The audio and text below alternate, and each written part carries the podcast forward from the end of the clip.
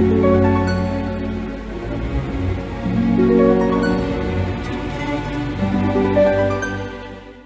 Libra, saya Madam Aza. Kita bacakan sekarang kartu tarotnya. Yang pertama adalah untuk karir, bisnis, dan juga peruntungan Libra.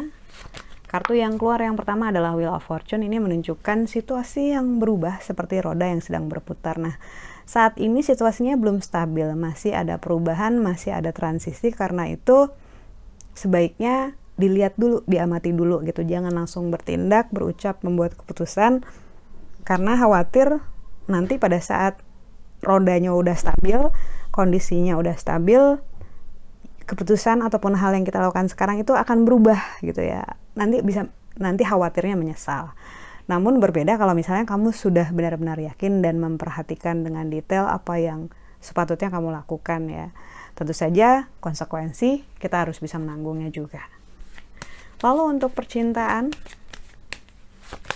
untuk Libra kartu yang keluar adalah The Magician, seorang pesulap anything good could happen. Jadi segala hal yang baik insya Allah bisa terjadi. Kartu ini adalah kartu yang positif ya, kartu yang bagus karena seorang pesulap itu bilang ada kesempatan yang baik. Tentu saja inti dari kartu ini adalah strong will, keinginan yang kuat. Karena seorang pesulap hanya bisa membuat pertunjukan yang menakjubkan gitu ya, mengcreate sebuah show yang luar biasa yang bisa bikin orang lain bertepuk tangan dan terkagum-kagum hanya karena ada strong will, keinginan yang kuat untuk mewujudkan sesuatu, untuk menjadikan sesuatu. Karena itu, kalau kamu ingin sesuatu hal, jangan kecil hati, diupayakan dengan terus-terusan dengan konsisten dan tentu saja harus punya keinginan yang kuat untuk mengupayakannya.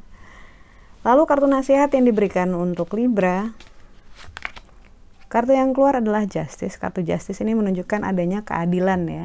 Ketika kartu Justice keluar, ini menunjukkan orang yang sedang menimbang berbagai hal yang ada di sekeliling dia dalam arti sering kali kenyataannya itu nggak sesimpel yang kita lihat gitu ya uh, karena itu ya ibaratnya jangan menilai buku dari covernya aja jangan menilai orang dari kata-kata manisnya aja ataupun omongannya di depan kamu gitu nggak semuanya sesederhana ataupun sesimpel itu kita harus bisa melihat lebih dalam karena itu dalam kehidupanmu, dalam relasimu dengan orang lain, pertemanan, karir ataupun cinta gitu.